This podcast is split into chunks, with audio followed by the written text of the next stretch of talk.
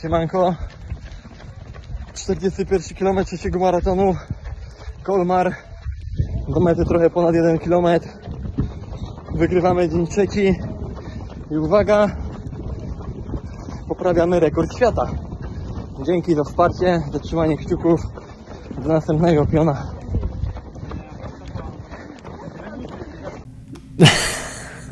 Trudno, startujemy. Jedziemy. Let's go. Mental Adventure. Dzisiaj moim waszym gościem jest Mateusz Wiśniewski. Tak, bardzo popularny dzisiaj temat Ironman. Cześć Mateusz. Witam wszystkich. E, Mateusz, może nie tyle przestaw się, bo ja znam Cię od kilku lat, kilku dobrych lat, więc mam nadzieję, że będę potrafił być obiektywny. E, Ale też myślę z drugiej strony będziemy potrafili tą rozmowę zrobić na luzie, bo ja znam Cię z wielu innych też doświadczeń, więc e, pewnie mogę przedstawić Twoją historię troszeczkę z innego punktu widzenia. Natomiast ostatnio jesteś znany z tego w mediach, że mm, wziąłeś udział w zawodach Ironman, które polegały na tym, że każdego dnia odbywałeś jeden dystans Ironmana i nie tyle udało Ci się, bo y, nie chcę używać tego słowa, ale ustanowiłeś nowy rekord świata w tej formule, tak? Tak, dokładnie. Zawody odbywały się w Kolmar pod koniec czerwca. Tak jak wspominałeś, wystartowałem w formule 3 razy Ironman dzień. Y, Każdego dnia y, do pokonania miałem dystans Ironman, czyli 3,8 km pływania, 180 km na rowerze i maraton. No i tu właśnie obok nas jest ta maszynka, na której się ścigałeś. Mm, Może prawdopodobnie ja w tym roku jeszcze na nią wsiądę, chociaż nie wiem, czy jestem godny. E, Ale wrócimy do tej maszyny jeszcze, także specjalnie ją tutaj dzisiaj e, wrzuciliśmy. Niektórzy mówią, tak jak o bulldogach, że bulldogi są tak brzydkie, że aż piękne i niektórzy mówią tak samo o tej maszynie, że jest tak e, brzydka, że aż piękna, No, ale zdania pewnie są podzielone. Ale jak się na tym jeździ, to pewnie ty nam powiesz trochę później. Temat Ironmana jest ogólnie ostatnio w mediach dosyć modny i też ten temat jest podnoszony w wielu podcastach.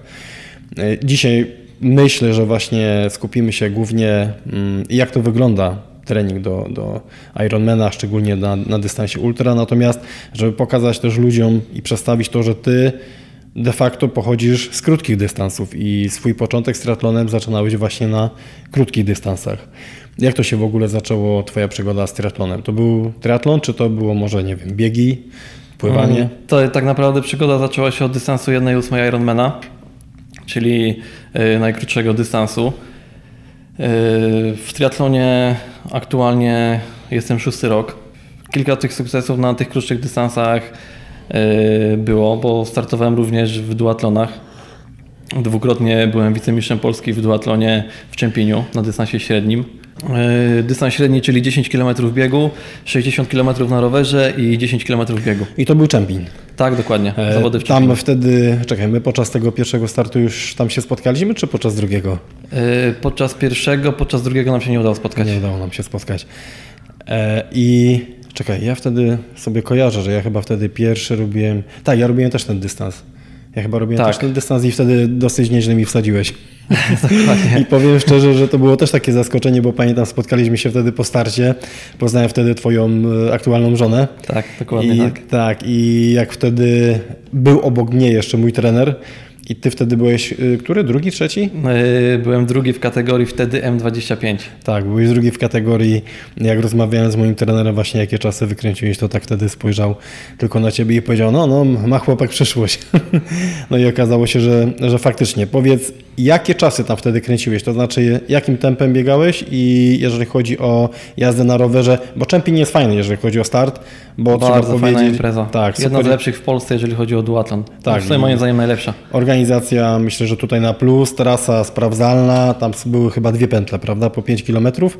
Mm, Tak, Tak, dwie biegowe, pętle tak. po 5 kilometrów i rower tak samo dwa razy trzeba było tą Tak, traskę dokładnie. zrobić. Fajna, płaska, szybka trasa rowerowa. Jak to się mówi, raz wiatrem, raz y, pod wiatr. Podjazd, dokładnie. E, jakie tempo biegu tam wtedy było? Mm, Tak naprawdę zaczynałem od tempa y, 3,35-3,40 na kilometr, pierwszą dychę. Rower, z tego co pamiętam, to średnio około 39 km na godzinę. Y, Myślę, że w przedziale 250-270 watów, wtedy akurat to wchodziło. A Jaką wagę wtedy miałeś? Yy, około 68 kg, tak staram się trzymać taką wagę startową. I to jest niezmienna waga na przestrzeni lat? Nie, cały czas trzymam się tego samego. Cały czas się trzymasz. To jest aktor optymalna waga, gdzie y, fajnie mi się biega i dodatkowo czuję moc na rowerze. I drugi bieg? Drugi bieg około 3,45-3,50. Drugi bieg z reguły jest słabszy. Tak, dokładnie. Drugi bieg już jest y, walka, tym bardziej, że 10 km to jest szybki bieg, więc 3,45 to jest dobre tempo. Można powiedzieć, że to jest bieganie na dosyć szybkich prędkościach. Ty ile wcześniej trenowałeś, żeby dojść do tych prędkości? No bo to też świadczy o tym, że prawdopodobnie masz skłonności i dobrze tolerujesz mocny trening. I z perspektywy czasu wiemy, że bez względu na to, czy to jest trening ultra, czy szybkościowy, to ty dobrze to tolerujesz i dobrze się regenerujesz. Natomiast ile wcześniej trenowałeś, żeby dojść do takich czasów? Mm, Tak naprawdę to były 3 lata treningu. Yy, tak jak mówisz, yy, trening czy szybkościowy, czy trening do ultra yy, wchodzi mi bardzo dobrze. Nie mam problemów z, z prędkością, czy po prostu z tym, że muszę wyjść na rozbieganie 25-30 km. Mhm. E, trenowałeś wtedy z pomocą trenera, czy to było solo? Yy, Wtedy już korzystałem yy, z trenera z bardzo popular- popularnej yy, aplikacji. Yy, Aktualnie yy, trenuję z Piotrem Chydzikiem i, i uważam, że, że współpraca trener-zawodnik bezpośrednio jest zdecydowanie lepsza. A tak z reguły tak się większość osób wypowiada, bo jest w stanie wtedy na bieżąco skorygować to, co Tak, się na dzieje. bieżąco aktualizować treningi, korygować, jeżeli coś się dzieje A Piotr i działa analizować. A Piotr działa pod jakimś teamem, czy on Yy, jakby... To jest Treewise z Krakowa. Aha, aha, no to też znana. Tak, tak, zna- znana ekipa. Często widzę ich w koszulkach, jak y, biegają przede mną. Także okej. Y, Oprócz y, Czempinia coś tam jeszcze było? Takiego godnego... Oprócz Czempinia y, była jedna druga w Ślesinie, gdzie byłem wtedy drugi w kategorii, wtedy chyba też jeszcze M25. Mhm. Y, Czempion był dwukrotnie, raz w kategorii M25, raz w kategorii M30 byłem wicemistrzem Polski. Przed pierwszym startem ultra również byłem w Czempieniu, tylko na dystansie sprint. Wtedy Mhm. Jak to się- wygrałem się kategorię właśnie ma? y, M30. Mhm, M30. I jak to się ma? To był start kontrolny, no bo przygotowania ultra to jest typowo inne, można powiedzieć, strefy treningowe, a tutaj nagle taki, no wpiernicz, nie? Można Tak, powiedzieć. zdecydowanie inny trening, ale chciałem po prostu sprawdzić, czy, czy te prędkości zostały. I okazało się, że zostały. zostały. To całkiem dobre. A teraz trener, który z tobą działa, czy. Bo ty zanim zacząłeś z nim współpracę, byłeś już po swoim ultra jednym. Yy, Nie, nie, Nie? z Piotrkiem zacząłem współpracę przed yy, podwójnym dystansem Ironmana. Aha, czy przed, przed podwójnym. Czy on chciał cię dalej utrzymywać w krótkich dystansach, czy powiedział, OK, dobra, idziemy w te ultra? No trochę na ten temat rozmawialiśmy. Chciał, żebym postartował na krótszych dystansach, ale ja chciałem spróbować czegoś innego. Czyli to jest typowy taki przykład, gdy osoba przychodzi do trenera i mówi, że ona chce biec maraton, e, a trener mówi, nie, nie, słuchaj, piąteczki, dziesiąteczki, dopiero potem pociągniemy cię trochę wyżej. Tak, ale teraz już, yy, ale teraz już widzę, że po prostu z trenerem się dogadujemy i, i też chyba widzi, że, że w tym ultra mam predyspozycję do tego. Okej, czyli jakby wiemy i podsumowując e, ten etap, wiemy, że nie poszedłeś do ultra dlatego, bo nie miałeś predys- predyspozycji do biegania na wysokich prędkościach, pracy w wysokich strefach treningowych. Powiedz, lubiałeś te treningi w wysokich strefach, bo e, gdy czasem idziemy na ustawkę z Giantem właśnie, no to wiadomo, że jest e, mocne zrywy. Ja uwielbiam to. Uwielbiam, gdy pracujemy na mocnych strefach, aczkolwiek sam jestem zawodnikiem ultra, bo e, no, jako alpinista siedzę w tych górach dużo, dużo, dużo i właśnie na niskich strefach. Natomiast czasem lubię się właśnie tak przewentylować. Ty lubiłeś te treningi właśnie na wysokich strefach? Tak, bardzo lubiłem te treningi. Zdecydowanie, jeżeli chodzi o biegowe, to na bieżni lekkoatletycznej, gdzie miałem, przypuśćmy, trening y, 5 razy 1 km y, w konkretnym gazie. A jeżeli chodzi o ustawki z giantem, to faktycznie to, to tempo jest mocne i, i naprawdę bardzo chętnie pojawiam się co wtorek i Przy, po prostu jeździ- przyjeżdżają czasem kozaki, nie? Ale to Tak. dobrze, bo przynajmniej jak jedziesz, to ma kto zespawać, wiesz, tą lukę. Dokładnie. Także to jest ok. Czyli wiemy, że nie poszedłeś do ultra z tego powodu, jak też często to się bierze właśnie w świecie biegów ulicznych, że ktoś przykładowo idzie biegać w górę, dlatego, bo no można powiedzieć nie do końca pasują mu te treningi o bardzo wysokiej intensywności, gdzie trzeba na piątkę, na dychę kręcić jakby dobrą, dobre czasy. No, no właśnie, skąd ta decyzja do tego, żeby przejść na ultra, skoro tak dobrze szło Ci właśnie na tych krótkich dystansach i prawdopodobnie jakby układ Twoich włókien, które masz w organizmie, na pewno też predysponują Cię do tego, żeby dalej jakby te krótkie dystanse ciosać i osiągać tam też fajne rezultaty. Mm, Tak naprawdę chciałem spróbować czegoś innego. E, Chciałem poszukać swoich granic. E, Tak jak e, wspominałeś na biegach ulicznych, czy to na 5, 10, czy na mm, półmaratonie, kręciłem jak na triatlonista naprawdę dobre czasy. Jakie to były czasy? Jeżeli chodzi o 5 km w biegu ulicznym, to życiówka była 17.01. Jeżeli chodzi o 10 km, to 35 e, 50, o ile się nie mylę, czy wychodzi Szacunek. tempo 3,35 na kilometr. Jeżeli chodzi o półmaraton, e, to pobiegłem go w Katowicach godzinę 20 w tempie 3,48 na kilometr. A dla tych osób, które nie były w Katowicach, to pragnę powiedzieć, że zaliczyłbym go wręcz do biegu górskiego. Zdecydowanie tak. Wiele osób- Podbiegi, które się nie kończą. I, I to takie długie podbiegi, Tak. nie są, nie są krótkie. Nie są krótkie, są długie. Ale trzeba powiedzieć, że ten pomaraton cieszy się też dużą popularnością. Właśnie może też przez to, że jest cięższy. Mm, Okej, czyli powiedziałeś przesuwanie granic. No ale ktoś, kto doczepiłby się, to mógłby powiedzieć, że ucinając minuty, sekundy też w tych krót, krótszych dystansach, też przesuwa jakby swoje granice. Co masz na myśli, mówiąc właśnie przesuwanie swoich granic? Mm, Tak naprawdę startując na podwójnym Ironmanie nigdy wcześniej nie ukończyłem y, dystansu Ironman, czyli pojedynczego Ironmana. Jak wiemy, nie jest to też potrzebne. Nie jest to potrzebne, zdecydowanie nie, tym y, bardziej, że takim sprawdzianem przed podwójnym Ironmanem był y, dosyć długi trening, który y, wykonałem.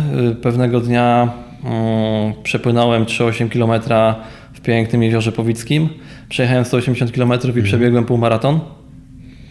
Y, Wtedy widziałem, że, że po prostu ta forma y, i te predyspozycje do tego długiego dystansu są. I to też wtedy była, y, można powiedzieć, zakładka, która była zlecona przez trenera. Tak, dokładnie. To była czyli- zakładka i to był po prostu jednodniowy trening. Czyli to miało dać Wam, tak jak często przykładowo w ciągu całego weekendu robi się obciążenie Ironmana, często tak jest, że przykładowo jednego dnia robi się pływanie i rower, a drugiego dnia robi się bieganie na mniejszym trochę tempie i przez ten weekend kumuluje się zmęczenie, które ma wystąpić właśnie w Ironmanie.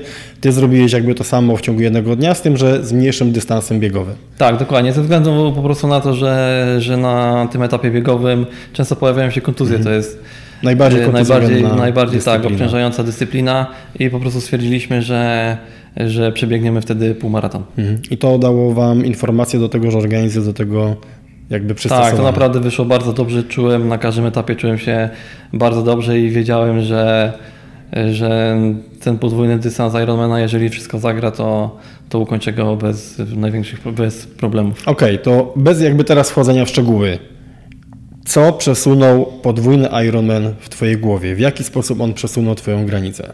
Mm, Po prostu podwójny dystans Ironmana pokazał, że tak naprawdę e, nie ma granic. Że jeżeli sobie coś założymy i, i do tego dążymy, to po prostu jesteśmy w stanie zrealizować wszystko i nieważne jaki to jest dystans, czy, czy jest to wyjście w góry, czy jest to pokonanie Ironmana, czy dla jednego to będzie pokonanie 10 km w biegu. Mhm.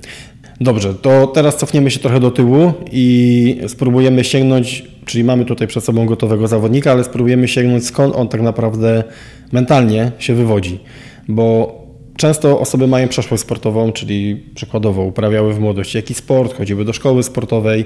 Jak to było u Ciebie? Czy Ty... Nie, ja tak naprawdę pod, pochodzę z małej wioski z województwa wielkopolskiego.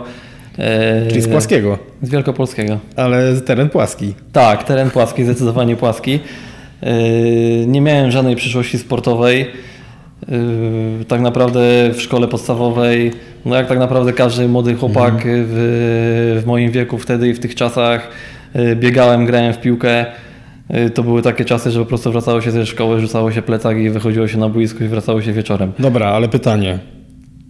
Czy szedłeś na bramkę, czy nie? Nie, wiesz, oczywiście, to- że, oczywiście, że nie wchodziłem na bramkę, byłem za mały. Bo, ale wiesz, jak było w naszym. Bo w, trochę jakby różnimy się też wiekiem. I w moich czasach, jak zawsze gruby szedł na bramkę, więc ja, ja nie byłem gruby, ale też nie byłem, wybierany, nie byłem wybierany do pierwszego składu.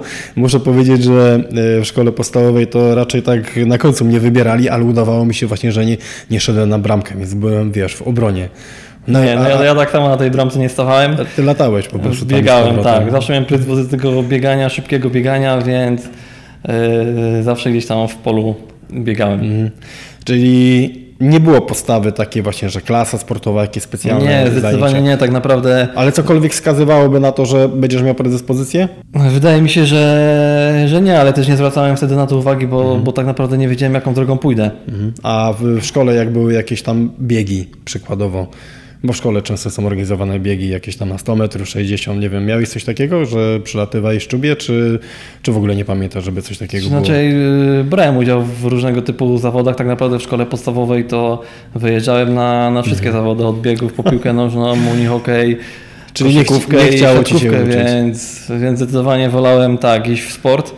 Yy, I z tego co pamiętam, to zawsze gdzieś kończyłem w czubie te biegi. Aha, no to czyli już jakieś predyspozycje były.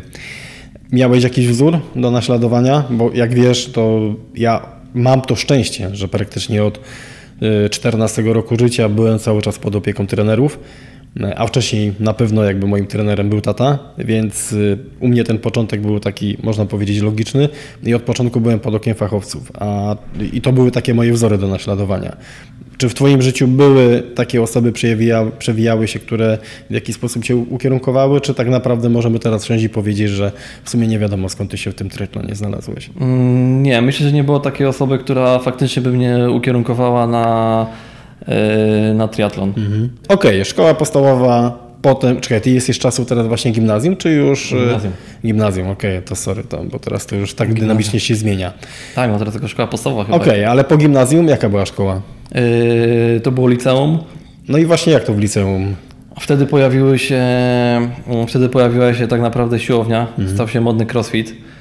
Aha. E, pierwsza siłownia w garażu, treningi siłowe e, i tak naprawdę biegi, które robiłem, to tak naprawdę wychodziłem, po prostu pobiegałem 15 minut bez zegarka, bez, w ogóle nie miałem o tym zielonego pojęcia tak naprawdę. Ale ta siłownia, bo ja pamiętam Cię z czasów Czemplina i pamiętam też, jak Ty ten trening siłowy miałeś troszeczkę bogatszy, to zawsze miałeś bardzo rozbudowaną klatkę piersiową. Tak, zgadza się. Ja, ja, mówię zawsze, to taki kurczak, wiesz, chu- chude nóżki, a tutaj ubita ta klatka piersiowa. Mm, y, lubiłeś trening siłowy? Tak, bardzo. Do tej pory y, tak naprawdę y, dwa razy w tygodniu y, chodzę na siłownię w trening uzupełniający y, ćwiczenia na, na ciężarach. Ale to, więc... to nam powiesz, to nam powiesz potem, A, co, co robisz. Natomiast e, to było takie, wcześniej to było takie zwykłe po prostu pompowanie biska i klaty, nie? Tak, dokładnie. To była siłownia w garażu ze sprzętu, który się zebrało od wszystkich chłopaków i tam się spotykaliśmy i trenowaliśmy. Czyli takie są najlepsze. Tak, myślę, że takie początki są najlepsze. Jakie są najlepsze? W którym momencie, ile miałeś lat, jak zacząłeś właśnie zaczą, zacząłeś biegać, e, troszeczkę robić to bardziej na poważnie? Bo teraz masz 31 lat. 31 lat, czyli można powiedzieć, że jeszcze trochę przed tobą. E, ile miałeś lat, jak zacząłeś, bym Tak powiedział? naprawdę triatlonem i takim już y, treningiem konkretnym to zająłem się dopiero w wieku 25 lat. 25. Tak naprawdę w wieku 25 lat dopiero się nauczyłem pływać. E, tak jak mówiłem wcześniej, pochodzę z małej y, wioski tak naprawdę i wyjazdy na basen to były tak naprawdę na jakieś obozy powiedzmy dwa razy, dwa razy w roku. Mhm. Nie było Nie było takich wcześniej. możliwości jak teraz, że po prostu wychodzimy, wsiadamy w auto i jedziemy na basen. A jeżeli mówimy o pływaniu, teraz e, kilometr robisz e, w jakim tempie? Kurde, nie, ciężko mi powiedzieć, bo No ale przykładowo jak e, na, na czempi, nie no na czempi to jest duatlon, ale jak startowałeś w triatlonie? Yy, Teraz mogę Ci powiedzieć, że yy, jeżeli chodzi o start w Kolmar, to yy, 3,8 km przepłynąłem w godzinę pierwszego dnia, godzinę 9. Godzinę 9. No to Chodzi o jest, tempo 1,46-7 na 100 metrów. no, No, no tak, no tylko wiadomo, że to jest y, strefa, Inny- strefa tlenowa inny- całkowicie, nie? Tak, Jakby dla. Ciebie wy, bym powiedział wypoczynkowa. Bo jest też taka opinia i ona też jest chyba po części dobra, że no niestety ta nauka pływania jest dosyć ciężka, jeżeli robimy ją później. No i żeby faktycznie wykręcić y, jakieś bardzo, bardzo dobre czasy, to trzeba bardzo dużo czasu poświęcić, no szczególnie na tych krótkich dystansach. Nie, bo tam jest analogiczne, jak nie wychodzisz e, na jednej, wody jednej, to- tak, na jednej tak. czwartej w czubie z wody.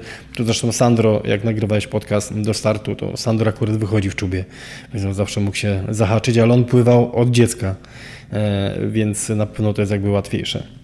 Czy ty jakby naturalnie przeszedłeś do tych dłuższych dystansów i czułeś, że ten organizm jakby naturalnie się adaptuje, czy było coś takiego, że e, musiałeś wypracować sobie pewien system? Nie, tak naprawdę przeszło to płynnie, bez żadnych większych problemów. E, Czuję się dobrze i w treningu szybkościowym, i w treningu wytrzymałościowym, wydolnościowym. E, Nawet czasami lubię porzucić trenerowi jakiś pomysł, żeby po prostu trochę tej szybkości dorzucić na, na lekkie, że tak powiem, odmulenie.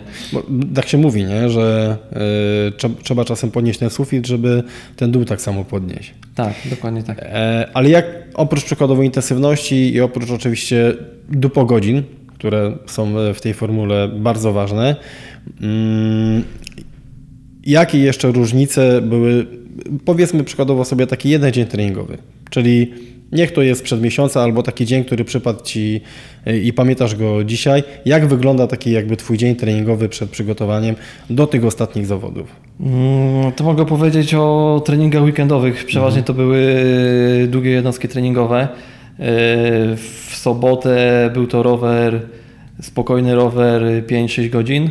Trenażer czy na zewnątrz? E, To zależy od warunków. Tak naprawdę dla mnie to nie ma znaczenia. Po prostu liczy się to, żeby zrobić zadania, czy, czy zrobię to na zewnątrz, czy, czy zrobię to e, w domu na trenażerze, to, to nie a, robię a co wolisz? Bo ja, ja widziałem, co częściej dajesz, więc...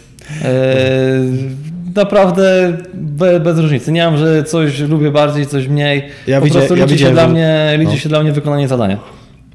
Ja widziałem, że często trenażer dajesz, ale powiem Ci, z wygody ja też tak czasem robię. Że kwestia logistyczna, wyjechać z miasta, y, zacząć trening, znaleźć przykładowo teren, który będzie odpowiedni do zadania, które mam zrobić, że czasem wygodniej po prostu jest to zrobić na trenażerze. Y, Ale powiedziałeś trening 4, 5, y, gdzieś tam 6 godzin. 5-6 godzin. Tam były jakieś zadania sobota. w trakcie tego? Kurde, to było różnie tak naprawdę. Jednego dnia były po prostu zadania, jednego dnia był spokojny rozjazd. Mhm, W niedzielę następnego dnia przeważnie była zakładka, rower około 2,5 godziny plus półtorej godziny biegu. A wtedy ten rower był spokojny, czy też tam były jakieś zadania? Bo E, Spokojny, Mhm. spokojny rower i, i spokojne bieganie. Y, Czy to były już waty i prędkości, które miałeś kręcić na zawodach, czy to były wtedy szybsze tempa?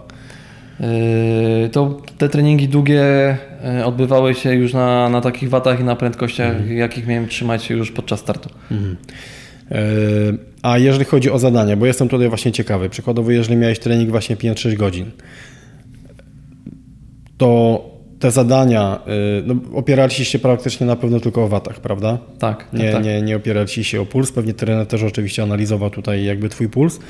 Mm, Natomiast y, powiedz mi, jak się różnił, albo, albo czy się różnił trening początkowy, jak wchodziłeś po roztrenowaniu, a jakby ten końcowy? Chodzi mi o pracę na watach, y, o, o y, pracę na strefach. Czy czułeś, że wiesz, jest dokładane, dokładane, dokładane i faktycznie ta periodyzacja idzie w dobrym kierunku i że nie wiem, przykładowo abstrahuję. Kręcisz przykładowo 20-minutówki w tych zadaniach na 230 W. y, Strefa pulsu jest wyższa, a potem przykładowo ona z biegiem się y, zmniejsza. E, Tak, tak, było to widać. E, Przypuśćmy, teoretycznie zaczynaliśmy od 150 W Mhm. powiedzmy e, na rozjazdach, kończyliśmy na 180 i po prostu to był taki, taki sam wysiłek jak na początku na tych 150. No, No, bo to jest wymierne wtedy. Tak, E. wtedy widzimy jak ten naprawdę trening idzie i czy, czy to idzie w dobrym kierunku. Mhm. Czyli miałeś po drodze takie treningi kontrolne, które wraz z trenerem analizowaliście, biorąc pod uwagę, że wiesz, idzie, że idzie ten progres. Tak, tak, tak, zdecydowanie tak. Była, y, co- było takim jeszcze, można powiedzieć, kontrolnym dla Was? Mm, Jaki trening Czy to po prostu po tej zakładce weekendowej on zbierał dane, czy przykładowo mieliście, on dzwonił i mówił Mateusz, ten trening jest ważny, na podstawie tego będziemy sobie analizować co dalej. Mm, Po każdym, tak naprawdę po każdym treningu trener zbiera dane. Y, Działamy też na, na aplikacji, gdzie ja te treningi otrzymuję i trener na bieżąco może to analizować. A na Peaksie pracujecie? Czy Tak, dokładnie, na trening Chyba Peaksie. najwygodniejsze. Tak. Czyli ma wgląd w swoje konto. Ma wgląd tak naprawdę, czy wykonałem trening, w jaki sposób go wykonałem, czy za mocno, czy za słabo. Przeważnie było to za mocno. Słabo się nie zdarzało. E, No i wtedy reagował na to. Okej. By- Były takie momenty w trakcie przygotowania, które trochę by tobą zachwiały? Wiesz, jakiś spadek formy, jakaś, no często zdarza się. Mm, Jeżeli chodzi, o, jeżeli chodzi o zawody w tym roku, to nie było żadnych problemów. Tak naprawdę start był w czerwcu, więc to jest, był początek sezonu. To jest lepsze, prawda? To jest niż- lepsze, a przed dystansem podwójnego Ironmana e, start odbywał się we wrześniu, więc ten okres przygotowań był bardzo długi i ta końcówka już e, była ciężka. Dwa starty na chwilę obecną w Ultra. No oprócz trzeci, który miałeś e, dosłownie trzy dni temu. E, powiedz, jakie były główne różnice Twoim okiem, bo ja odnoszę wrażenie, gdy z Tobą rozmawiałem, bo rozmawialiśmy w trakcie, jak się przygotowywałeś. Można powiedzieć, że mieliśmy kontakt gdzieś tam dwa razy w tygodniu. Odnoszę wrażenie, że Ty ten dystans teraz przeszedłeś dużo, dużo lepiej niż zawody w tamtym roku. Jakie jest jakby Twoje odczucie? Bo Ty oczywiście też psychologicznie, mentalnie, fizycznie jesteś na pewno teraz dużo sprawniejszy i na wyższym poziomie. Więc też takie może być odczucie. Natomiast ja widzę po Tobie, że jesteś mniej styrany i zmęczony po tych zawodach niż właśnie w tamtym roku. Jak Twoim okiem jakby widzisz różnicę pod kątem tamtych zawodów, a tych zawodów? E, Jeżeli chodzi o mental, to tak naprawdę e, i w Austrii, i w Colmar, e, we Francji byłem bardzo dobrze nastawiony i wiedziałem, że nieważne co się stanie, to i tak te zawody ukończę. Jeżeli chodzi o pierwszy start w ultra, tak jak mówiłeś, na podwójnym e, dystansie Ironmana, e, to tam były bardzo ciężkie jak dla mnie warunki atmosferyczne. Deszcz, śnieg, grad na rowerze. Austria jest chyba w ogóle mało przewidywalna. Tak, i, i to tak naprawdę nie sam dystans, tylko te warunki bardzo mocno dały w kość. Jeżeli chodzi o Kolmar, tak naprawdę przez 3 dni y, mieliśmy temperaturę 32-31 i Czyli to były wysoko. warunki idealne dla mnie. Każdego dnia czułem się bardzo dobrze i zdecydowanie wolę startować w takich temperaturach niż powiedzmy w 15 stopniach. Mhm. E, A widziałeś przykładowo na tych zawodach teraz, że nie, że nie na każdego te słońce tak dobrze działa? Wiesz, że ktoś przykładowo idzie dobrze w pierwszym dniu, w drugim, a w trzecim już przykładowo siada, bo ta temperatura może mieć na niego wpływ? Tak, większość zawodników właśnie z tego co widziałem, to y, bardzo mocno odczuwały tą temperaturę. Y, No było to po prostu po nich widać, że, że to słońce ich mocno do, dojeżdża. Dojeżdża. E, Jeżeli chodzi o Twój start w Austrii, który był właśnie w tamtym roku, to był start na podwójnym dystansie Ironman wykonywany ciągiem. Dobrze mówię? Tak, y, to był start na dystansie podwójnego Ironmana ciągiem. Do przepłynięcia miałem 7,6 km, do przejechania 360 km i do pokonania biegiem 84 km.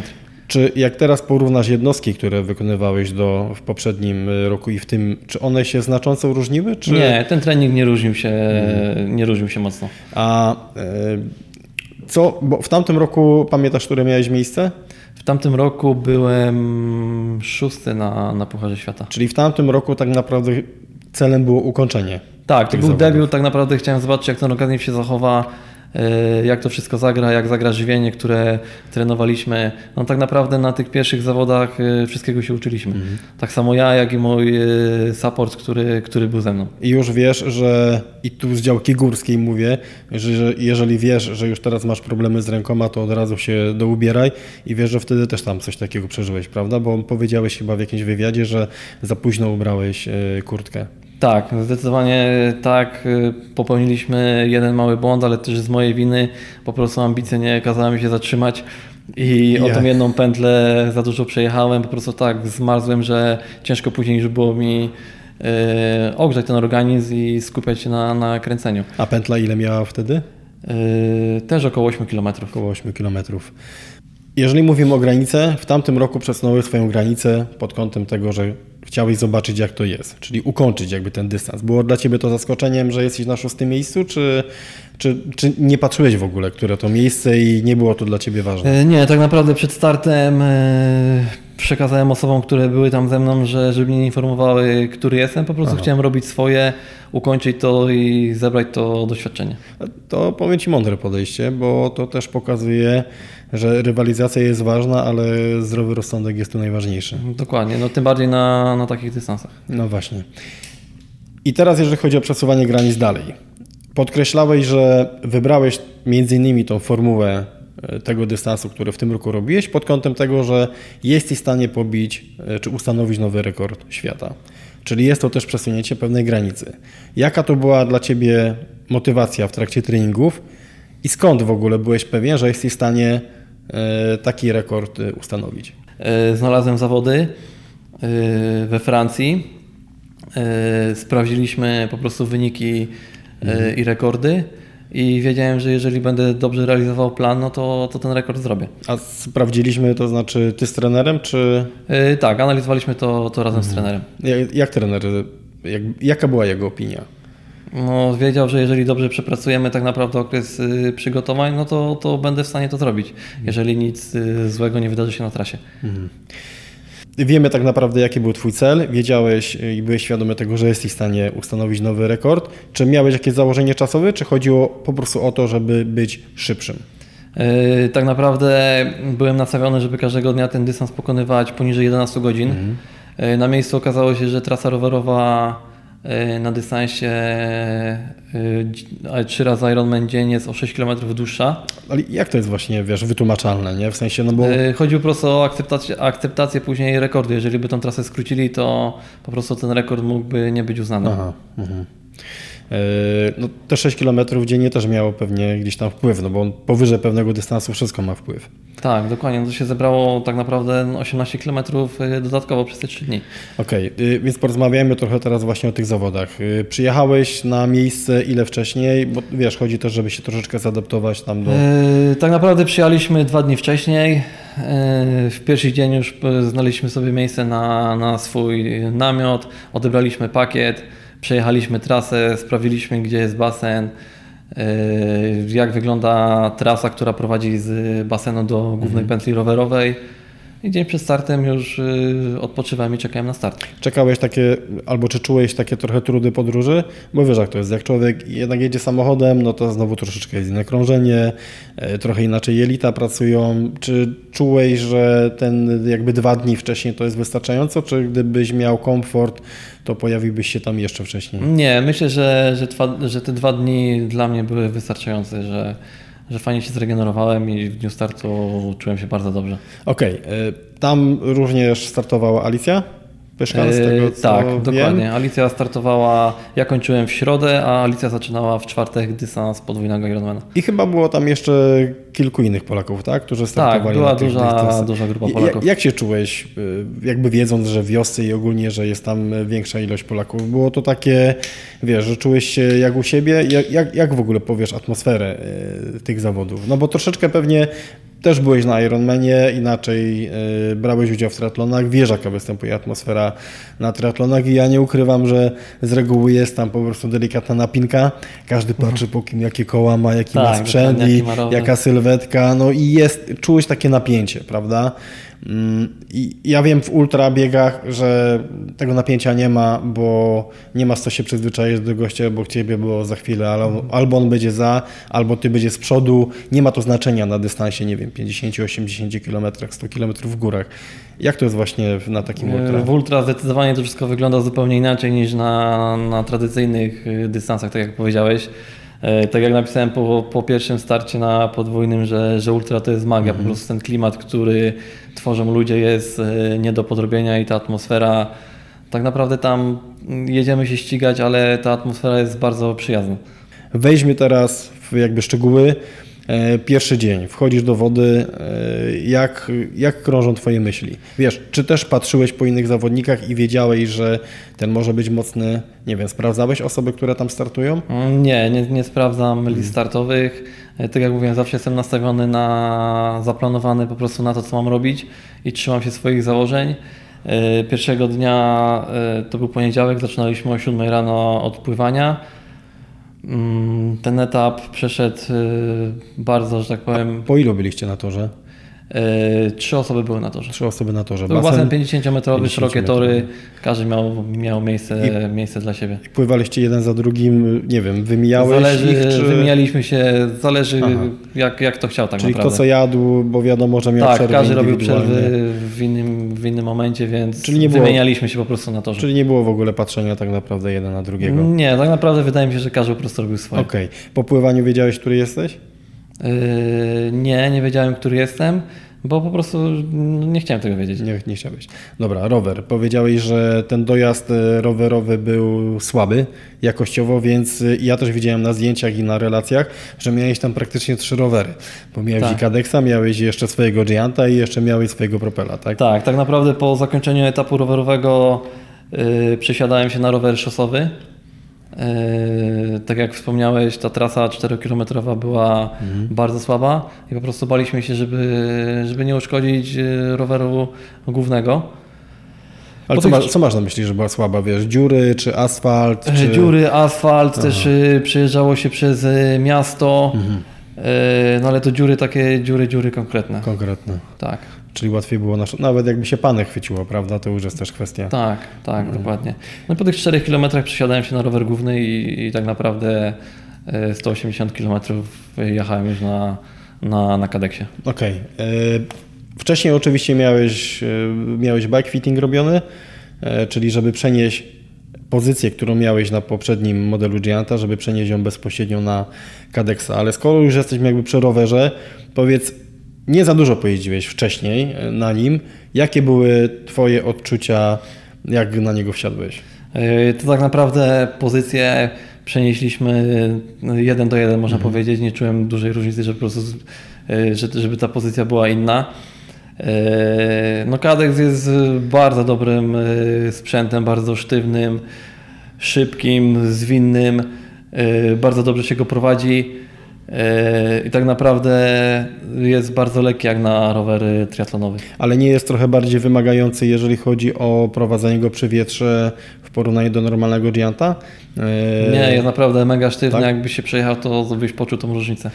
Mm, A przesiadałeś się jeszcze w, na zawodach na, na swojego normalnego czasowego Nie, nie, nie. Przez trzy dni jeździłem na, jeździłem na kadeksie. E, Okej, E, bieganie, bo dla mnie to jest e, tutaj najbardziej kluczowe i wiemy, że bieganie tutaj najbardziej e, męczy organizm. Pierwszego dnia, w- pierwszym dniu te 180 km w jakim czasie przejechałeś? Jaka średnia Ci wyszła? W pierwszy dzień średnia z roweru wyszła ponad 33 km na godzinę. 33, okej. 33,5 o ile się nie mylę. U Ciebie to jest, e, jeżeli chodzi o strefę treningową, jeżeli chodzi o pomiar tętna, to jest u Ciebie pierwsza czy druga strefa? Nie, to jeżeli... był, to był tak naprawdę, to była spokojna jazda. Byłem nastawiony na, na większe prędkości, Mhm. tylko po prostu trasa była bardzo techniczna, dużo zakrętów. Yy, często było trzeba się zatrzymywać, no i po prostu ta prędkość się, się wytracało, nie? Okej. E, Jeżeli chodzi o bieg pierwszego dnia, jakie tam, jaki tam czas, jakie tempo Ci wyszło?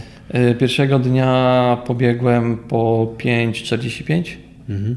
Pierwszy maraton. Mm-hmm. Cały czas jakby jednakowo? Czy, czy gdzieś tam Yy, były takie, w założeniach, czy trasa też była, W założeniach yy, miałem tak, żeby trzymać się tempa 6.0. że 6-0, czyli pobiegłeś trochę szybciej. Było to spowodowane tym, że czułeś się lepiej? Tak, czułem się bardzo dobrze naprawdę na tym. Jeżeli to byłby jeden dzień, to mógłbym biec zdecydowanie szybciej. Mhm. No ale wiedziałem, że mam przed sobą jeszcze dwa dni, więc po prostu się stopowałem i trzymałem się założeń. Okej, kończysz bieganie, jak to wygląda, czy ktoś przychodzi i nie wiem, zalicza Ci jakby to wszystko, czyli czy sędziowie są blisko obok Was, oni też to jakby wszystko zliczają i jak potem wygląda Twój transfer do, do hotelu i regeneracja? Yy, Tak naprawdę organizatorzy są przez cały wyścig. Mhm. Yy, Ostatnią pętlę w ultra mm, biegnie się z flagą i pod prąd, Mhm. Yy, więc organizatorzy po prostu już o tym opowiadają. Aha, czyli oni na tych pętlach biegowych, tak samo jeżeli Ty robisz następne kółko, to oni To oni już wiedzą po prostu, że, że kończę już ten dzień. E, Pomiar czasu był tak jak na każdych innych zawodach, niezależnie od dystansu. Czyli od razu widać. Od razu widać, e, kiedy kończymy i z jakim czasem. E, Ile trwał Twój transfer do hotelu? Bardzo blisko mieliśmy hotel, to myślę, że to było około 10 minut, jak to- byliśmy w to hotelu. spoko. No i jak wygląda regeneracja? Co było pierw po zakończeniu? Był posiłek? Czy... Po zakończeniu e, od razu był posiłek węglowodanowy. E, No to, na- no to powiedz, co to było. E, to był Bo ja- ja- zwykły, zwykły ryż z jogurtem i z borówkami. Aha, bo... A wiesz, Masz wiesz że ja tutaj mam... Masz to samo? Ja mam tutaj, tylko że mam brązowy ryż, borówki, jogurt i trochę malin. Ale wiesz, równie dobrze ktoś by pod kątem węglowodanów mógł powiedzieć, że to jest Prince Polo, nie? E, czyli okej, od razu węgle wrzucasz jakby w łatwej E, formie. Tak, e, węgle, Potem? następnie powrót do, do hotelu, prysznic, Mhm. drugi posiłek.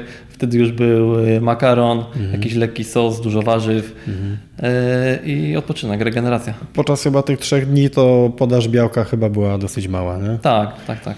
E, widziałem, że korzystasz też, e, jak to się w ogóle nazywa tak fachowo, E, nogawki? Kerpampy. Kerpampy. Chodzi ci o kerpampy. Tak, tak. Powiedz, czy robi to robotę? Tak, zdecydowanie jestem bardzo zadowolony i dziękuję firmie Kerpam za użyczenie mi tego sprzętu. E, tak naprawdę nie tylko ja z tego korzystałem, ale i cały support. Tak? A. Tak, i, i wszyscy naprawdę mieli bardzo dobre opinie. Jak będziesz po, po tym, y, po, że tak powiem, startach, to mi y, pożyczysz też. nie mam, też, już, też, już też. musiałem je odesłać. Apelujemy tutaj do producenta, żeby jeszcze przysłał. Ale czułeś, tak? Że, że, że tak, czułem, że, że naprawdę robi to dobrą robotę i te nogi Bo co e, jest? drugiego. Bo co jest jakby głównym Masaż limfatyczny po prostu, masażem przepychanie tego wszystkiego. Aha, czyli to tam wszystko krąży. Tak, tak. Okej. A ko kojarzysz, jaki jest koszt mniej więcej czegoś takiego? E, około 5,5 tysiąca złotych. 5,5 tysiąca. No dużo i niedużo, nie? To, to, to wszystko zależy jak, jak na to idziemy. Okej, budzisz się drugiego dnia, znaczy pierwszego dnia normalnie spałeś, bo często po dużym wysiłku jakby ten sen nie jest zakłócony. E, Nie miałem problemów ze, ze snem. Myślę, że przespałem spokojnie 6 godzin, takie dobre, dobre 6 godzin. No to dobre. Drugiego dnia wstajesz, czujesz zakwasy, czy Nie, czy tak naprawdę nie miałem żadnych zakwasów, nie miałem żadnych skurczów. E, Nogi były świeże, czułem się, czułem się dobrze. Okej. Czy drugi dzień był dla Ciebie cięższy, czy taki sam pod kątem obciążeń? Wiesz, jak Twój organizm jakby reagował na ten drugi dzień? Tak e, naprawdę ten drugi dzień był dużą zagadką i był z tego, co przeanalizowaliśmy z trenerem, to był kluczowy tak naprawdę, bo nie wiedzieliśmy, jak się organizm e, zachowa po, po, po prostu po pierwszym dniu, 11 godzinach e, pracy.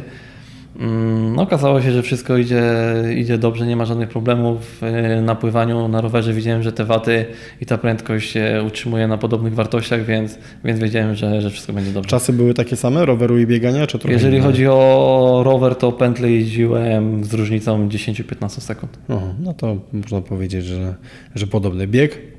Yy, Bieg już się wtedy trzymałem mógł tempo około 6.0. Mhm.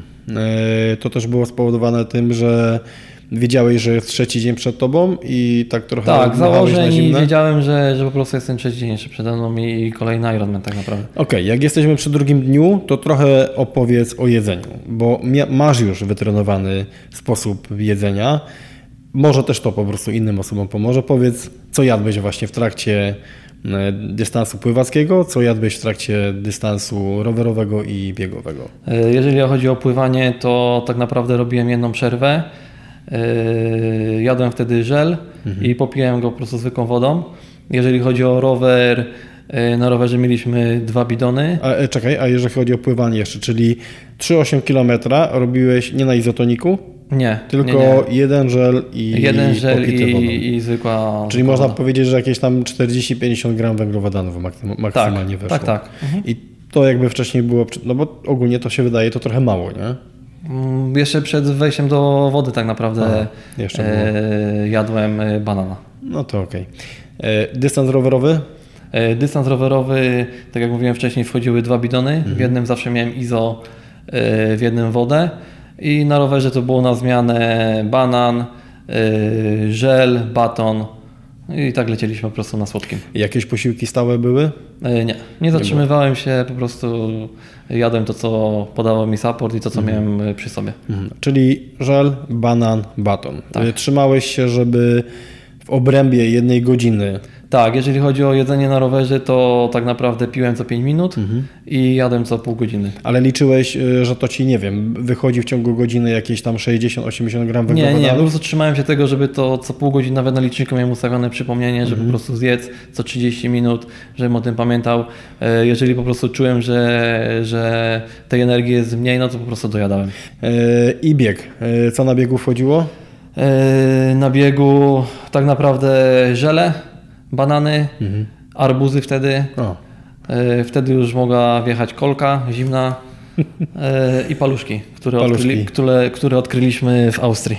Słone paluszki. słone, ale jak, to- jak, no bo już wiadomo, organizm trochę już też y, świruje. To było na zasadzie, że czułeś, że jesteś przesłodzony i chciałeś po prostu zjeść y, coś słonego? Nie, nie, nie. Tak naprawdę y, czy z jedzeniem, czy nawet z toaletą nie mieliśmy żadnych problemów y, podczas tego startu.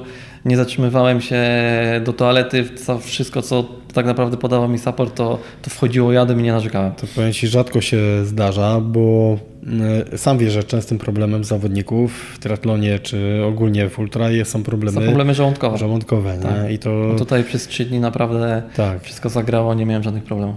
Y, Jeżeli chodzi o bieg, to tak samo mniej więcej y, kierowałeś się, że to miało być w ciągu, nie wiem, godziny właśnie. Tak, tak, tak, to się trzymaliśmy, trzymaliśmy się tego samego. A picie, jeżeli chodzi o pętlę biegową, bo pętla biegowa była na dystansie, Y, 1,4 km. czyli co ten 1,4 km to sobie sięgałeś. Tak, wtedy już miałem tak naprawdę co chwilę dostęp do, do, do namiotu i co chwilę miałem podawane tak naprawdę picie, jedzenie. Y, Powiedz jeszcze, bo było ciepło dosyć. Czy trasa biegowa i rowerowa, ona była zacieniona, czy była w otwartym terenie? Y, Jeżeli chodzi o trasę rowerową, to była w otwartym terenie, Mhm. a jeżeli chodzi o bieg, to część trasy przebiegała y, w lesie. No to akurat na plus, nie? Tak, no zdecydowanie. Nawierzchnia asfaltowa, czy tam Y, pojawiał się grunt? Mieszana, że tak Mieszana. powiem. Część asfaltu, część drogi takiej. y, A, ale uważasz, że to dobrze? Bo, bo to wiesz, też trochę stopa inaczej pracuje na tym gruncie i to też może być, bym powiedział, no lepsze, nie? Czyli powiem Ci, że nie robiło to. Nie robi różnicy. Nie robiło różnicy. tak. Okej, kończysz drugi dzień, scenariusz jest taki sam. Tak? Dokładnie to samo.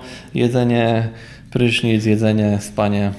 E, trzeci dzień. Czy przystępując do trzeciego dnia czułeś, że ten rekord jest blisko? No bo robiliście pewnego rodzaju analizę i wiedziałeś, że ok, jeżeli utrzymiesz te czasy, to faktycznie jesteś w stanie ustanowić nowy rekord i już też braliście pewnie pod uwagę analizę innych zawodników. No bo wiedzieliście pewnie z jakimi czasami zawodnicy inni. Tak naprawdę y, dopiero poczułem to, jak wsiadłem na rower i widziałem, że, że te waty znowu się trzymają i że ta prędkość się utrzymuje, że z nogami nie ma żadnych problemów, że, że po prostu noga podaje tak, jak powinna podawać.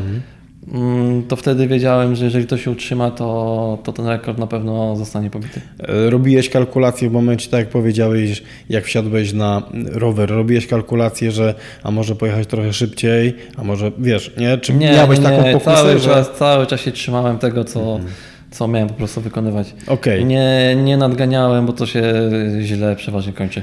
Kończysz rower, e, czujesz już, że no czujesz, że jest blisko, nie? Czujesz, że masz jeden Czuję, że maraton, to tylko maraton. czujesz, że to tylko maraton, choć dla niektórych to jest aż maraton i czujesz, że e, no jesteś blisko po prostu zrobienia czegoś dużego.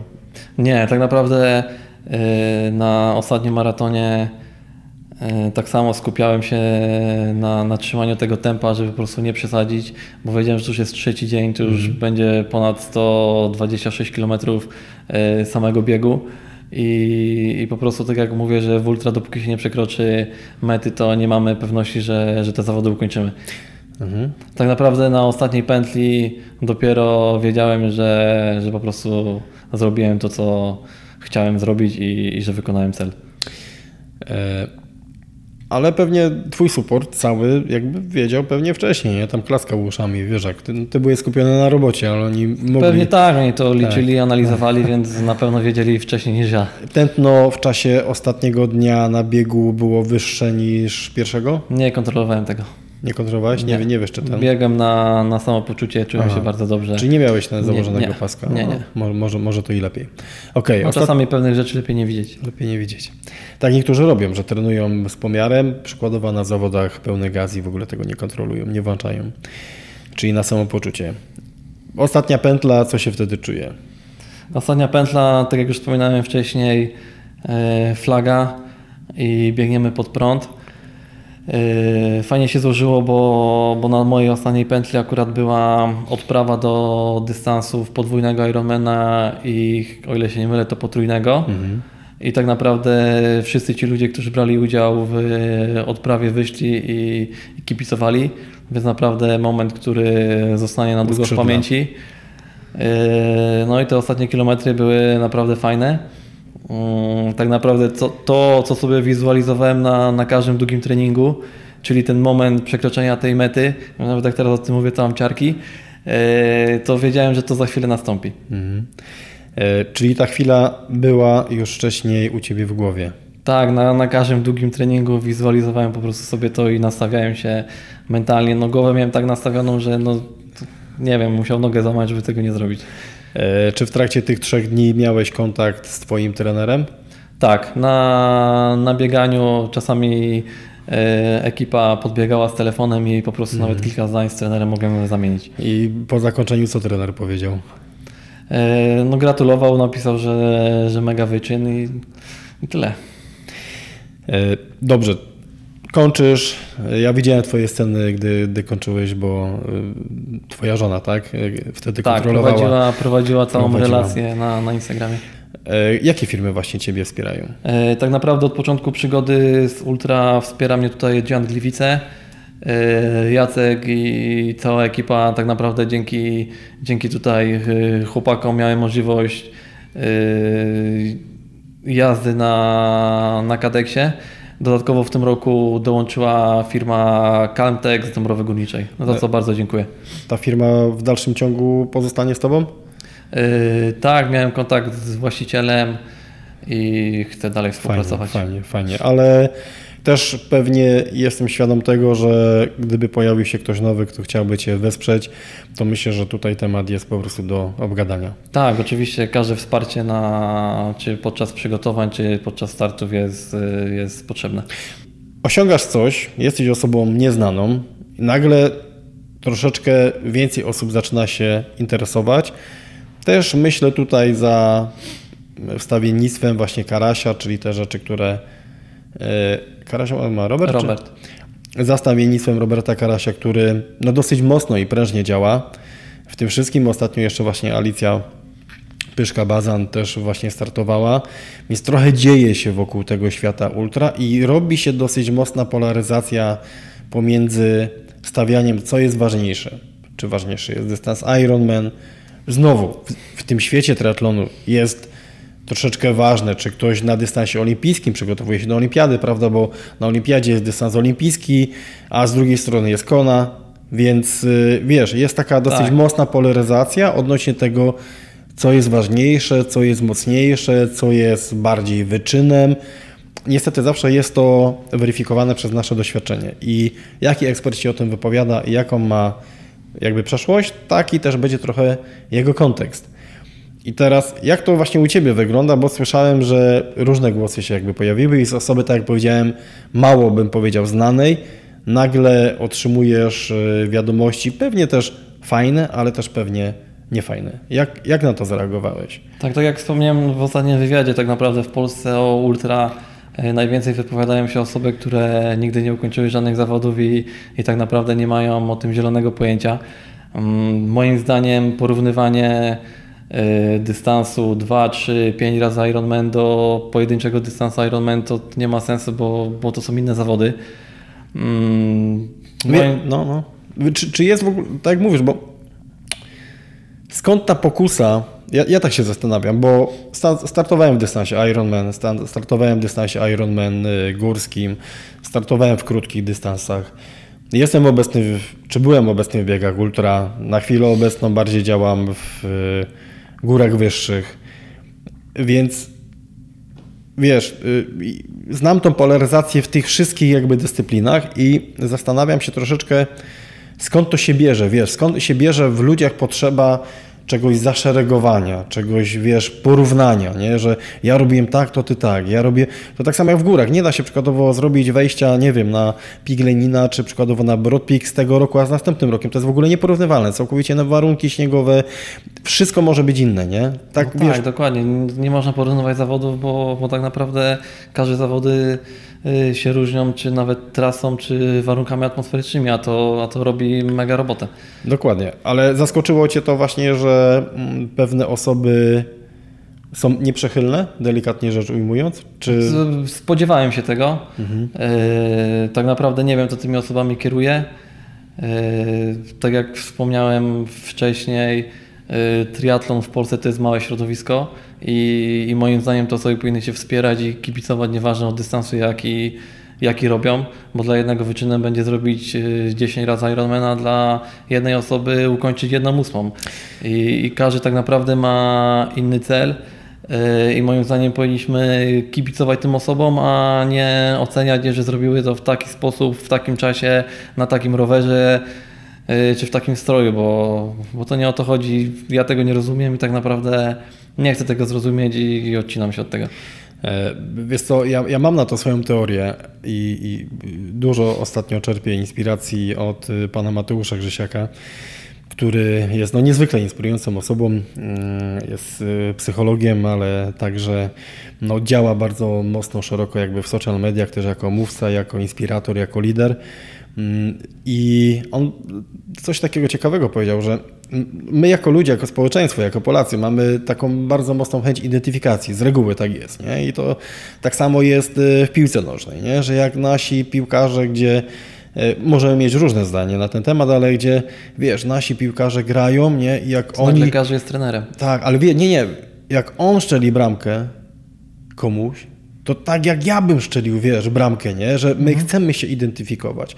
A jak już w ogóle w meczu z Niemcami, to, to już w ogóle jest, Tak. nie? Więc mamy taką jakby potrzebę identyfikowania się z tymi osobami. I tu trochę nie zgodzę się z Tobą, bo uważam, że świat triatlonu, jak popatrzymy sobie na statystyki, to bardzo dużo ludzi startuje gdzieś tam w tych zawodach. Świat, ale jeżeli mówimy o Polsce, to. Tak, to... ale, ale zauważ, że jak teraz pojedziesz na zawody, to i zobaczysz osoby, które gdzieś tam na MTB sobie przykładowo startują na luzie, nie? Tak, E, ja to bardzo szanuję. Zawsze, Super, zawsze nie? powtarzam, że e, zawsze powtarzam i podziwiam te osoby, które zamykają te zawody, bo przeważnie są to starsze osoby, które Tak. tak, naprawdę walczą do, do ostatnich metrów i, ludzie już wyjeżdżają do domu, a oni są jeszcze na trasie. I, I właśnie, wiesz, a i, i, i widzimy jakby tutaj pewnego rodzaju taką zależność, że z pewnego punktu widzenia widzimy, że osoba, nie wiem, biegnie maraton i ona ledwo co biegnie, tak? No i każdy trener by powiedział, chopie, pobiegaj na piątkę, dychę i dopiero potem się chwytaj za maraton. Ale w pewien sensie ta osoba miała marzenie. I ona miała odwagę te marzenie jakby realizować. To jest tak samo jak ja działam w górach i widzę różne te osoby w górach i naprawdę czasem jestem pełen podziwu, że te osoby przykładowo tam w ogóle się znajdują i taki mój, wiesz, negatywne spojrzenie zaraz mówi, kurde, po co ta osoba tu się pcha, jeszcze coś sobie zrobi, ale z drugiej strony znowu patrzę i mówię, no zamiast siedzieć na krupówkach, wyszła w góry. Tak samo, y, wiesz, tutaj patrzymy pod kątem inspiracji, że uważam, każdy Polak, każdy zawodnik, jeżeli osiąga, robi jakiś nowy rekord albo osiąga jakiś swój personalny cel, który jest gdzieś tam w mediach się pojawia, no to jakby naturalną kolejną rzeczy powinniśmy przyklepać brawo, powiedzieć super, fajnie i tak dalej. To, czy ja się z tym zgadzam, czy ja to popieram, czy nie, to jest w ogóle całkiem inna rzecz. I mam nadzieję, że też trochę poprzez ten wywiad uświadomimy ludziom, że każdy ma prawo tak naprawdę to, co powiedziałeś, do przesuwania swoich granic. Dokładnie. Jest tyle startów, tyle możliwości, że, że każdy może robić to, na co ma ochotę, a my, tak jak mówisz, jeżeli ktoś wygrywa, to, to powinniśmy mu gratulować, a nie, a nie go hejtować za to, że zrobił niepełnego Ironmana w 10 czy w 9 godzin, czy w 15, a zrobił dziesięciokrotnego Dokładnie. i z rekordem, z nowym rekordem świata. Wiadomo, że pewnie ty i ja śledzimy świat triatlonu, ale też śledzi- śledzimy świat ultra i też biegów i szczerze mówiąc, na teraz y, tak samo dosyć mocno słucham y, podcastu Kuby Pawlaka właśnie 42 195 75. Też polecam i bardzo dużo tam e, czerpię teraz informacji odnośnie biegów górskich. I nagle w tym roku e, Polacy może nie odnieśli jakiś, bo tylko e, Bartek Witek odniósł, można powiedzieć, sukces, ale po raz pierwszy pojechali jedną ekipą, kadrą, pojechali, pojechała ekipa, która robiła transmisję online. I teraz wiesz, no to jest propagowanie tego sportu. Jakby na to nie patrzeć, Dokładnie. biegów ultra. I może ktoś tam, jakiś mały chłopczyk w jakiejś wsi coś zobaczy i Się może zainspiruje. i się zainspiruje. I może za 5-10 lat on będzie mistrzem świata i będzie, Dokładnie. i będzie z Polski. Więc tutaj jakby też yy, apeluję o to, żeby z takim trzeźwym umysłem i nie pod kątem właśnie własnych ocen patrzeć na sukcesy innych ludzi, bo no w sumie każdy ma prawo gdzieś do własnego właśnie przesuwania granic. Dokładnie, każdy, każdy sukces Polaka to tak naprawdę jest bardzo dobra promocja dla tego sportu, dla danego sportu. Czy będą biegi górskie, czy będzie triatlon, czy, czy to będą skoki narciarskie. Dokładnie. No a trzymamy też kciuki, żeby na każdej innej płaszczyźnie czy sportach olimpijskich, żeby to się piło do góry. Ale y, wrzuć mi jeszcze trochę miecha. Y, Korzystałeś także z treningów uzupełniających i wprowadziłeś je y, do swojego planu treningowego. Mówiłeś, że dwa razy w tygodniu robiłeś siłownię. Y, Czy też tam miałeś trenera, kogoś, kto ci to rozpisywał? E, Jeżeli chodzi o trening siłowy, to korzystałem z pomocy Blue Ball, Siemianowic Śląskich. E, Tak naprawdę Krzysztof e, wysyłał mi e, treningi. Ja je tutaj realizowałem u siebie na siłowni. Następnie jeździłem do niego na testy, sprawdzaliśmy jak to wszystko się układa, jak to idzie. Mm, Jeżeli chodzi o, o ten trening siłowy, to skupialiśmy się tak naprawdę na dwóch elementach, czyli na dynamice i na sile. Możesz podać przykład takiego jednego treningu? Mm, Bo podejrzewam, że nie, powiedzmy, nie robiłeś dwóch elementów na jednym treningu, czy też to było przeplatane? e, Było przeplatane. Mhm. To Powiedzmy, jeżeli chodzi o dynamikę, to najprostsze ćwiczenie przysiad z wyskokiem, Mhm. do tego zeskok ze skrzyni i dynamiczny wyskok od razu w górę. Mhm. Jeżeli chodzi o typową siłę, to podstawowe ćwiczenia przysiad, martwy ciąg, e, nawet ćwiczenia ogólnorozwojowe, wyciskanie, pompki, zwykłe podciąganie się na drążku różnymi chwytami. To jak- nie są skomplikowane rzeczy, po prostu trzeba robić to systematycznie i, i progresować. Czyli bardziej też chodziło o to, żeby utrzymać balans mięśniowy, czyli wiadomo, te grupy mięśniowe, które nie pracują przykładowo przy triatlonie, żeby one też były poruszane. I jaki tam zakres obciążeń był? Czy to przy tych przysiadach? No bo tu też chodzi technika, prawda? Czyli Krzysiu wcześniej na pewno modyfikował Twoją technikę, żeby ona była poprawna, żeby też się nie, na, nie nabawić kontuzji. Tak, jeżeli chodzi o technikę i o wykonywanie ćwiczeń, to, to miałem to przepracowane wcześniej, bo, bo to robiłem. E, A jeżeli chodzi o dokładne teraz wartości ciężarów, to, to nie jestem w stanie teraz ci, Ale to było, wiesz, 6 określić. powtórzeń, 12, 15, 20. E, To zależy od fazy Mhm. budowania. Jeżeli budowaliśmy siłę, tych powtórzeń było mniej, a ciężar był większy. Okej, e, a dobra, Twoja ulubiona jednostka treningowa? E, Myślę, że długi rower. Długi rower. Zdecydowanie długi rower. Z zadaniami czy jednostajne? E, Bez znaczenia mogą być zadania. Okej, wchodzimy do Twojej kuchni. Powiedz taki przykładowy jeden dzień tego, jak masz właśnie przykładowo dwie jednostki treningowe w ciągu dnia. Co Ty lubisz jeść? y, Jak komponowałeś swoje posiłki? Y, Jeżeli chodzi o jedzenie, mm, to tak naprawdę przez cały okres przygotowań korzystałem z cateringu dietetycznego. Y, 3000 kalorii. Plus do tego wiadomo, jeżeli policzymy sobie żele, batony na treningu, bo, bo to żywienie trzeba już y, trenować tak naprawdę przed zawodami na każdym treningu, żeby ten żołądek, ten organizm sobie przygotować do tego. Czyli trening jelita był. Tak, dokładnie, zdecydowanie. Obowiązkowy. E, Jeżeli catering nie... Bo tak powiedziałeś, 3000 kalorii, gdzieś wyrzucałeś pewnie, bo obciążenie Twoje było dużo większe, to co, własne gotowanko, czy... Tak, własne gotowanko standardowo, rano owsianka, e, później jakieś drugie śniadanie, e, powiedzmy kanapka zwykła z omletem, coś takiego wjeżdżało zawsze. Czyli jest miejsce na bułkę. Tak, zdecydowanie. No, na węglowodany i na kalorie zawsze jest miejsce przy trenowaniu ultra. E, obiad. E, ja mogę jeść makaron tak naprawdę 5 dni, Czyli masz geny 7 dni włoskie. w tygodniu. Czyli masz geny włoskie. Tak, zdecydowanie. Pizza, makaron. Na okrągło może być. E, Nie masz chyba problemu z łapaniem wagi. Mm, nie, cały czas utrzymuję wagę. Jeżeli jestem poza sezonem startowym, to, to mam 2-3 kg różnicy. Okej, skończyłeś zawody i dwa tygodnie później, czy trzy tygodnie później teraz wystartowałeś w e, kolejnych zawodach? E, Trzy tygodnie później. Okej, i teraz te zawody, na których brałeś, w których brałeś udział, to było Trzy tygodnie później wystartowałem w ultramaratonie kolarskim Mhm. na dystansie 500 km. 500 km na, także jechałeś go na Giancie, czyli jechałeś go na rowerze czasowym. E, wcześniej robiłeś, z tego co widziałem, badania, czyli jakby organizm był, można powiedzieć, już, czy on może być zregenerowany w 100%? Tak, był zregenerowany w 100%, czułem się bardzo dobrze, wiedziałem, że, że bez żadnego problemu mogę do tych zawodów przystąpić. Okej, na czym polegał ten wyścig? Mm, 500 km rozgrywało się na jednej dużej pętli. To była lubuska szosa dokładnie. E, Moim celem było tam tak naprawdę założeniem przed y, startem było zmieścić się w 20 godzinach i zdobyć kwalifikację na wyścig Bałtyk-Bieszczady 1008 km. E, Wyścig ukończyłem z czasem 16 godzin 58 minut. A ile tam miał zwycięzca, kojarzysz? Mm, Nie kojarzę. Nie kojarzysz. Skupiałem się po prostu Ale na patrzyłeś, tym, co... ale patrzyłeś, y, Nie. znaczy, y, co dawało Ci kwalifikację? Czas poniżej 20 godzin? Tak, poniżej 24 Aha. godzin. Dużo ludzi startowało? Yy, bardzo dużo, bardzo dużo ludzi mijałem na trasie. Na jakich rowerach właśnie oni startowali? Yy, przeważnie na rowerach szosowych. Na szosowych. Tak. Ale jest to całkowicie możliwe, znaczy, no jest to możliwe, ale czy zalecałbyś teraz przykładowo osobom, które mają rower czasowy, żeby robiły ten dystans właśnie na rowerze czasowym? Yy, ja to robiłem po prostu na rowerze czasowym ze względu na to, że ścigam się na rowerach czasowych i w przyszłości te dystanse, nawet pewnie większe niż 500 km będę robił na rowerze czasowym, więc dla mnie to było kolejne doświadczenie i, tak naprawdę dobry trening, bo sama pozycja wiadomo jest obciążająca.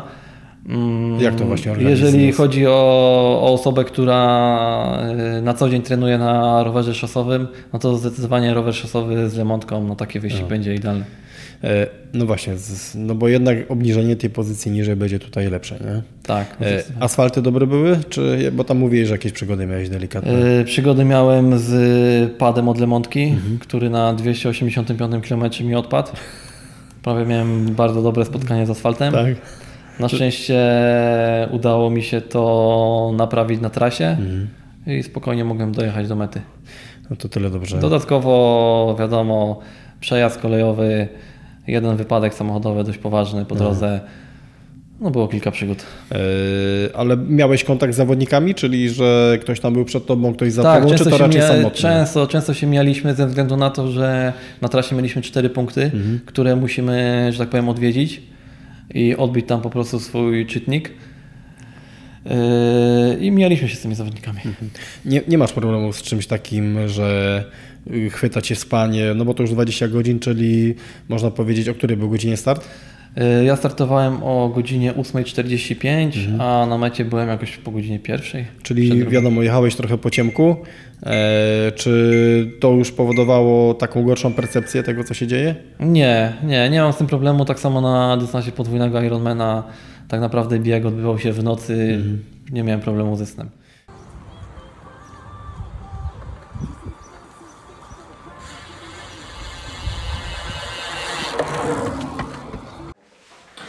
Dobra, zrobiliśmy szybki transport z Gianta Gliwice do jaskini właśnie zła, czy, czy, czy dobra?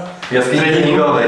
Jaskini treningowej, słuchajcie, widzicie chyba wielu sportowców, ja też chciałbym mieć coś takiego w domu, e, ale będę, będę miał.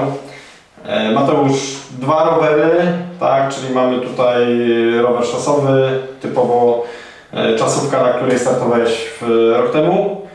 E, I która w tym roku też jako backup była. I która w tym roku przejechała 500 km. Także w nienagranym stanie. Bieżnia, czyli to jest e, nowy nabytek, nie? Tak, bierznia tego roku, nowy nabytek. E, dobra. Powiedz mi jeszcze kwestia tak. Pierwsza, support, bo nie zdążyliśmy o tym porozmawiać e, w Giancie. Jak ważny jest support właśnie na zawodach? Yy, Support tak naprawdę na zawodach ultra jest najważniejszy. Zawsze powtarzam, że bez tych osób tego wyścigu nie dałoby się ukończyć i po każdym wyścigu yy, mówię, że sukces, który osiągamy jest wspólny. Ciężko miałeś w ogóle zabrać ekipę, czy to była ekipa, która była już e, w tamtym roku w Austrii? Yy, Ekipa była z Austrii, nic nie zmienialiśmy, wszystko było dokładnie tak samo jak w Austrii. E, rozmawialiśmy w trakcie wywiadu właśnie o tym, że nie, nie ma to dla Ciebie różnicy, czy Ty trenujesz na dworze, czy trenujesz y, tutaj. E, Powiedz mi, bazujesz na Swiftie, jeżeli chodzi o trening rowerowy? Tak, jeżeli chodzi o trening rowerowy, to jest Zwift. Eee, No i tak naprawdę tylko na tym. A rower normalnie, czyli nie wiem, przed sobą wizualizacja, czy Wizualizacja, czasami po prostu trasa ze Zwifta, a czasami jakiś dobry serial na Netflixie. Aha, czyli co, patrzysz tam, biegniesz tu, patrzysz tam? Obrotowy jest, więc na spokojnie mogę go sobie zmieniać i kręcić. Dobrze. Słuchaj, skoro już tutaj jesteśmy, to kwestie samego treningu. E, No bo tak, to są komfortowe warunki, więc pierwsze takie pytanie, czy uważasz, że te laboratoryjne warunki, które tutaj masz, mogą w jakiś sposób jakby rzutować na słabszy wynik w terenie? No bo wiadomo, nie ma tutaj takiej temperatury, ewentualnie jaka byłaby, czy jest na zawodach, nie ma przykładowo deszczu, który teraz akurat jest na zewnątrz. Jednak ten trening, e, no można by powiedzieć w mojej opinii, który robimy jakby zawsze na, na dworze lub w takich warunkach też trochę gorszych, no wpływa tam gdzieś tam na ten jakby nasz performance i trochę psychicznie nas e, wzmacnia. E, Jak jakby w Twojej opinii, czy idzie to tak naprawdę przenieść takie jeden do jednego, czy, czy wiesz, czy jednak, no nie wiem, te treningi, które, czy trzeba to przeplatać właśnie treningami na dworze? E, Myślę, że na pewno ma to wpływ. E, W moim przypadku wygląda to tak, że te treningi można podzielić powiedzmy 50 na 50. 50% treningów realizuję tutaj, e, jak już nazwaliśmy w jaskini, ale staram się też realizować treningi na, na zewnątrz, w różnych warunkach atmosferycznych. Tak jak wspomniałeś, trening zakładki w tym miejscu jest zdecydowanie łatwiejszy. E, Nie musimy szukać po prostu miejsca na realizację tego na zewnątrz. Czyli też wiadomo kwestia jedzenia, picia i tak dalej. No jest, Jest, jest, jest na pewno łatwiej i wygodniej. E, Startowałeś w miesiącu e, czerwiec, tak? Czerwiec, tak. Czyli można powiedzieć, że ten okres zimowy, no jakby przepracowałeś w jaskini. Tak, tak naprawdę cały okres zimowy przepracowałem tutaj e, w jaskini. E, No weekendy były naprawdę długie, zdarzało się, że z tego pokoju nie wychodziłem przez 6 godzin. No właśnie jaka była najdłuższa zakładka, jaką robiłeś? Mm, najdłuższa zakładka łącznie z masażem po czyli z kerpampami to około 6 godzin. 6 godzin. Czy pod kątem następnego roku będą też jakieś zmiany w treningu? No bo prawdopodobnie będziesz celował też, żeby ten główny start był na początku wakacji, gdzieś czerwiec, lipiec. E, Więc jak zamierzasz przetrenować zimę i czy właśnie planujesz jakieś zmiany pod kątem treningu e, z tego roku do treningu w następnym roku? E, Jeżeli chodzi o okres zimowy, to na pewno zostaje tutaj w jaskini. Większość treningu będzie realizowana tutaj w jaskini plus e, oczywiście basen. Dodatkowo chciałbym e, w przyszłym sezonie dołożyć e, trening na skiturach i trochę więcej tego czasu spędzić w górach. No I takie mam plany. Okej. Y, Zakończyłeś, jakby można powiedzieć, ten sezon albo dwa starty, czyli wiadomo, start na dystansie potrójnego Ironmana, plus oczywiście ostatni wyścig kolarski. Co dalej? Czy w tym sezonie coś się jeszcze pojawi, gdzie Cię można jeszcze ewentualnie zobaczyć y, na jakichś ewentualnych startach? No i jakie plany na następny rok? Jeżeli chodzi o ten sezon, tak naprawdę nie mam żadnych konkretnych planów, żadnego już głównego celu. E, Może wystartuję w jakimś biegu ultra jeszcze powiedzmy wrzesień. E, Jeżeli chodzi o przyszły sezon, chciałbym wystartować na dwóch imprezach ultra plus zaliczyć wyścig, na który zdobyłem teraz kwalifikację, czyli Bałtyk Bieszczady 1008 km. Powiedziałeś dwa, d- dwa występy ultra, masz na myśli ultra typu triatlon, czy... Tak, ultra? dwa, dwa, dwie imprezy ultra triatlonowe, do tego wyścig kolarski. Okej, czyli jeszcze szukamy, jeszcze patrzymy, Tak, szukamy, sprawdzamy, jeszcze, się- jeszcze tak, oglądamy się, ale na pewno będzie to challenge. Na pewno. Czyli na pewno będzie to coś, czego jeszcze do tej pory nie robiłeś. Na pewno, na pewno tak. E, Okej. Słuchaj, dziękuję Mateusz za wywiad. E, Jak chcecie spotkać Mateusza, też oczywiście można go spotkać na gliwickich drogach i, i też czasami na ustawce w Dziancie, więc oczywiście zapraszamy do wspólnego kręcenia. E, No i co? Obserwujcie, e, bo na pewno będzie się działo i w planie jeszcze wrzucimy jakiś fajny materiał. Miejmy nadzieję, że w te wakacje uda nam się go nakręcić e, pod kątem właśnie treningu Mateusza w terenie. Dziękuję bardzo, pozdrawiam. Dobra, słuchajcie, bo Mateusz ucieka, ale przedstawi jeszcze parę medali. Jakie tu ma? Co tu masz, Mateusz? Yy, tutaj mamy medal z pierwszego wyścigu Ultra, czyli z dystansu podwójnego Ironmana z września. O. Okej. Yy, tutaj mamy złoty medal z tego roku z czerwca. I one są wszystkie, widzę, desygnowane właśnie w tej samej barwie i... Tak. w tej samej barwie. No ładnie zrobione. Yy, tutaj mamy medal z Mistrzostw Polski z duatlonu. Mhm. Yy, kolejny z Mistrzostw Polski. Mhm. Tak samo duatlon. Tutaj mamy ostatnią 500 kolarską, Ultra 500. Zobacz, 500 km, a najmniejszy, najmniejszy medal. Tak. Czyli tak, tutaj już się... No niedługo będziesz musiał to powiększyć. No pewnie tak, mam nadzieję. Mam nadzieję. Okej. Tu jeszcze zobaczymy jak to na rowerku. Ostrość, chwyćmy ostrość. Tu rozpiska. Dobra, słuchajcie, mała jeszcze staweczka yy, odnośnie koszulki Czarka Benedytiego. Bo ja też mam taką koszulkę. Czarek jest właśnie taką osobą, która jest bardzo, bardzo miła i za pośrednictwem naszego wspólnego znajomego udało nam się taką wychwycić.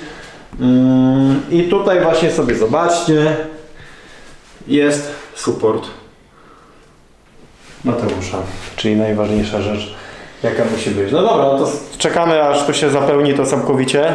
W sumie jak to widziałem na zdjęciach, to Ci trochę inaczej sobie wyobrażałem. trochę inaczej, a widzę, że pokój jest większy, ale, ale okej, to ciekawe co tu jeszcze wsadzisz innego. No czekam na kolejne zdjęcia z kolejnych wyścigów Ultra. No. Będzie się działo. Dobra.